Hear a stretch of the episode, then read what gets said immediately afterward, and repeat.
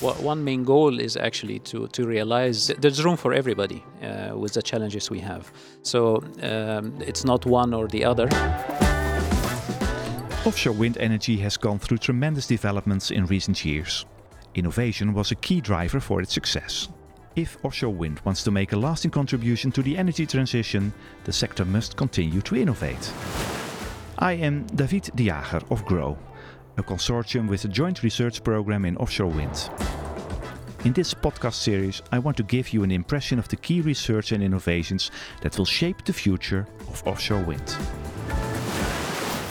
Well, I'm here at uh, Deltares, at uh, is it a geophysical laboratory of uh, Deltares, or how do you call it? No, it's it's. I, I, see a lot of sand here and water. Where are we, uh, Mark? Hello. Uh, yeah, we are in the water soil flume at Deltares, and here we play around with water and with soil. Okay, and this is Mark Post, who is a, uh, a coordinator of the tests that uh, are being performed here. And we're also here with uh, Ahmed El Kadi. Uh, hi, Ahmed.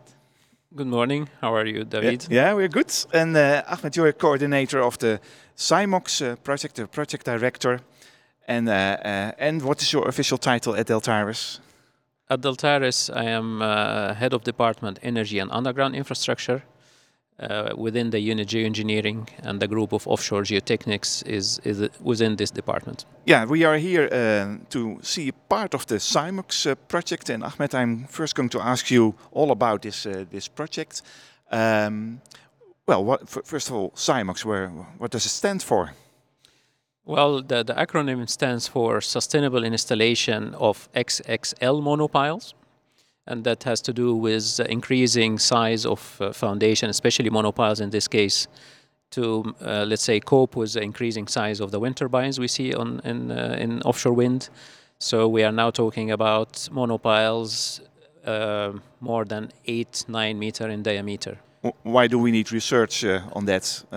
We need research on, on the one side is the, these are uh, extremely large piles. They're extremely large structures. I w- I, I don't dare to call it piles anymore when you are talking about 10 meter diameter um, open-ended.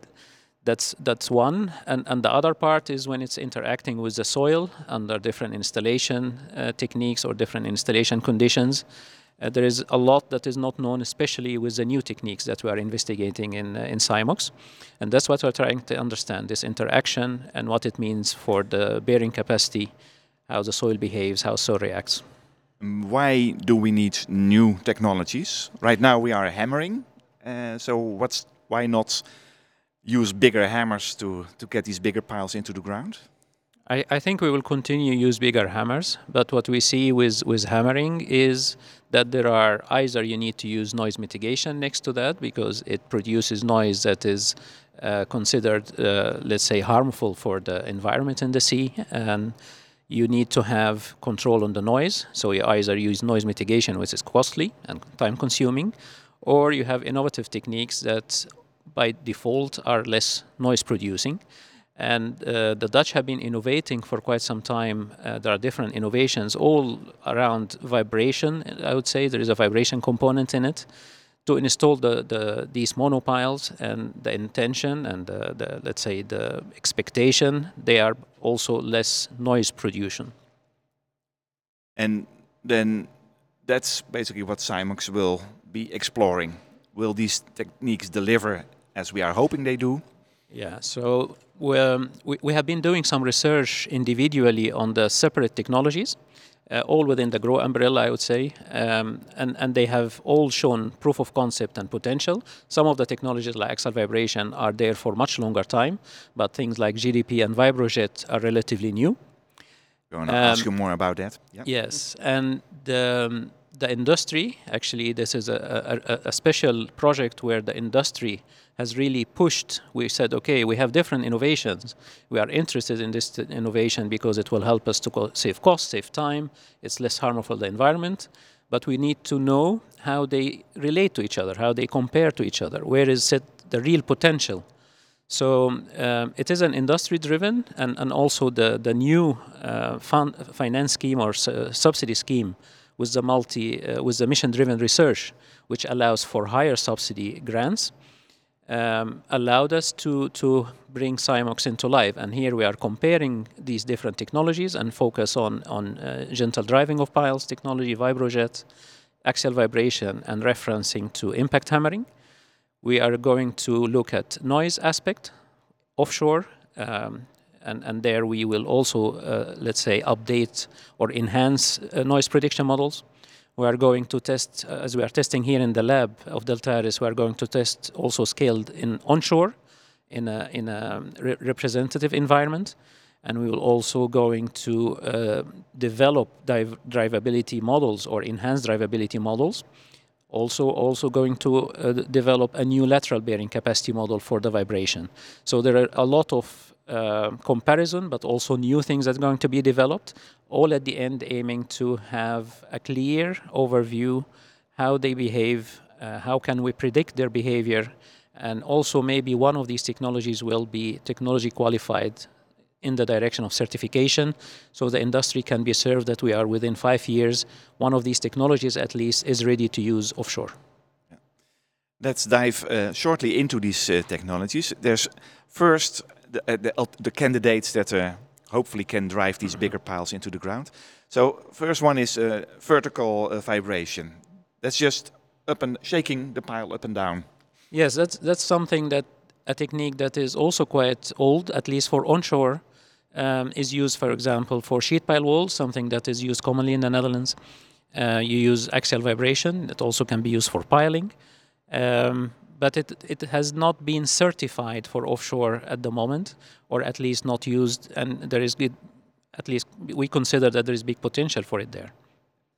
And if we add an another vibration direction, uh, and that's in the horizontal plane, and then we get the gentle driving of piles. We already had a podcast and a web magazine article with uh, Andrei Metrikine on that. But in summary, yes, in summary, what what happens in the gentle driving of piles that you have torsion, at high frequency, uh, combined at the moment with axial uh, vibration.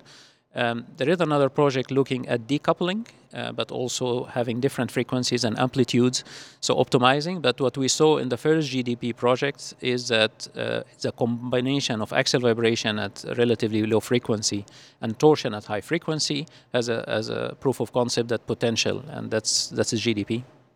And then candidate number three, which can help the other technologies, that's jetting or, or the, the, fluidization of the soil. How does that work? Um, so GBM works uh, working on, on their VibroJet technology, and that's uh, basically adding uh, jetting at the pile toe, at the bottom of the pile, uh, to fluidize indeed, indeed within the pile or in front of the pile. And that should help when you have uh, refusal. This can be also assisted by axial vibration or impact hammering. So it can be add-on uh, to, to other techniques or it can be used separately as well. And uh, at this stage there are 20 parties that are supporting this project, both knowledge institutes and, and a lot of industry uh, parties. Um, uh, it's about a uh, over 6 million euro project with indeed 4 million subsidy from a new scheme uh, in the Netherlands. Okay, I, I get the picture it's big. Mark, uh, now it's uh, please explain me. We are here in the laboratory, yes. and uh, can you yeah can you sketch what we are where we're standing next to? Yeah, for so the laboratory test. yeah, so we are standing in the water soil flume. It's a big hall where we, uh, as Deltares, can perform all kinds of tests related to water and soil. And what we're looking at now specifically is um, we have a big tank that is 5.5 uh, meters wide and it is very long, but at this moment we only use a small section of it, which is 10 meters long, and the tank is 2.5 meters deep. We have filled it with sand and water, and in it we have driven uh, with different techniques, so with the impact hammer and with the vibro hammer, uh, in total a number of eight scaled uh, steel piles. And on those piles uh, we are performing tests. And they just there. How long are they, and how, what's the diameter? Yeah, so the piles uh, that we have installed here are uh, 0.3 meters, so 30 centimeters in diameter, and they are in total two meters long. And of those two meters, we have driven roughly 1.5 meters into the soil. Yeah. So okay, you hammer them in, or and you vibrate them in. Yes, we have used both techniques in this case. Yeah. And uh, and then So I, I see them standing and they're standing Yes. quite nice here. it looks good. No, so, so indeed, uh, what the main purpose is of these tests is, uh, as, as uh, Ahmed has explained, is that we are interested in a number of things. Uh, and the things that we are investigating here is related to the drivability and also to what we say the lateral bearing capacity or the lateral stiffness. Uh, you are going to explain me more about that. Yes. so the lateral bearing capacity or lateral stiffness basically means how does the pile behave under a horizontal or a lateral load. And you can imagine that is of course important for offshore wind turbines because the most relevant loading that they get is from the wind and from the waves, which is of course horizontal. Yes, so the drivability is that during the driving, what we have done, we have instrumented a number of those piles with different sensors.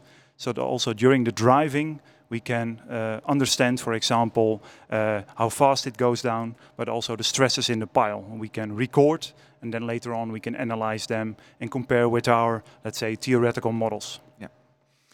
And at the moment they are well, they are already in the soil, um, but you're still testing them. So what are you doing right now? That's the the horizontal forces, right? Indeed. eh, So uh, what we see now is indeed the horizontal loading. So of course we have driven the piles first, and now what we have done, we have a movable, uh, I would say, call it a wagon that can ride on top of the tank.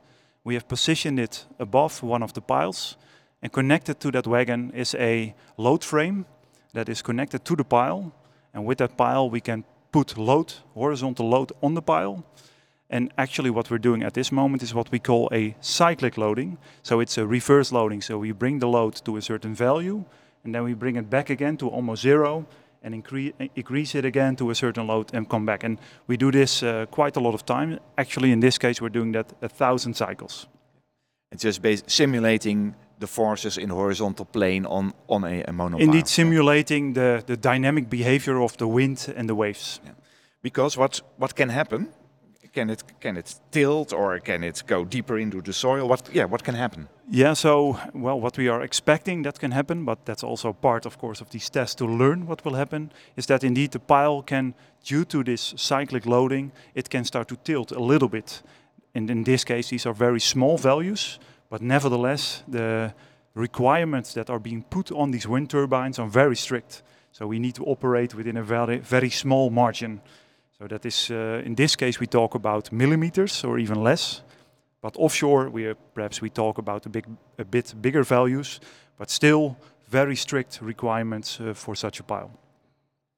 And will these relatively small piles are they uh, will they be representative for these huge piles at sea? Yeah, so that's a very good question, of course, because there is quite a difference between these piles and the real piles.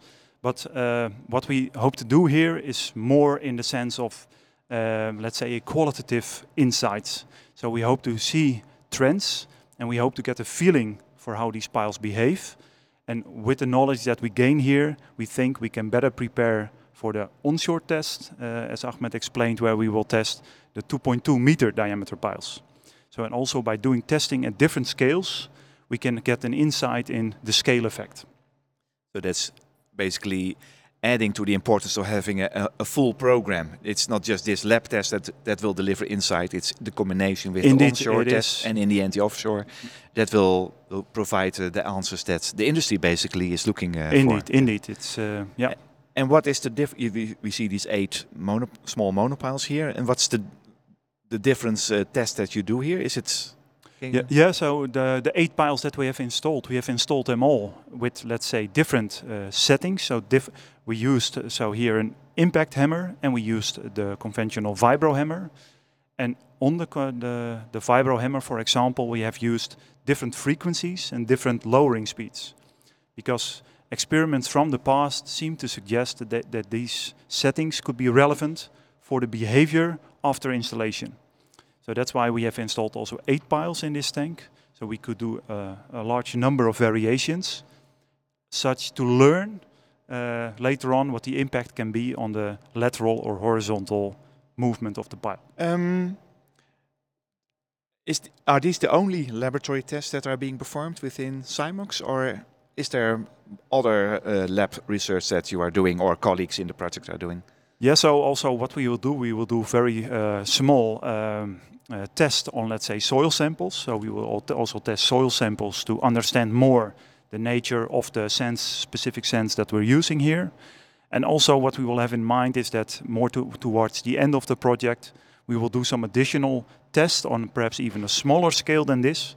But again, to understand uh, more specific um, variables or specific situations to also yeah, make it a full uh, picture, let's say.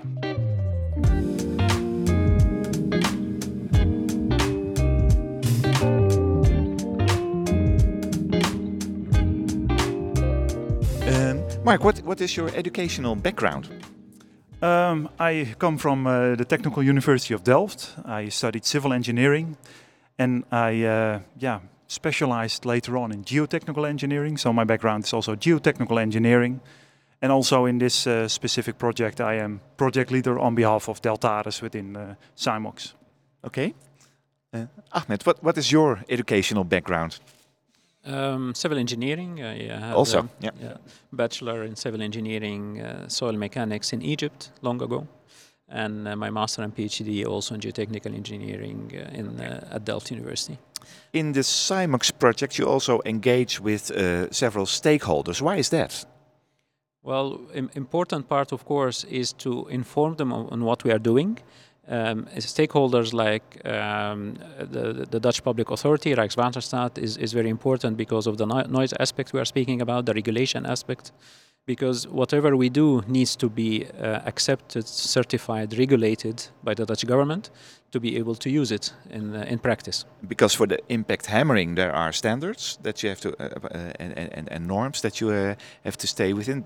But for these new technologies, basically, nothing is Indeed. documented because nobody is using it so far. and and they have more question marks than than they know let's say what what they could expect so we need to keep them informed. Also they have quite some knowledge and background so we also uh, uh, lean on them for for some input if needed.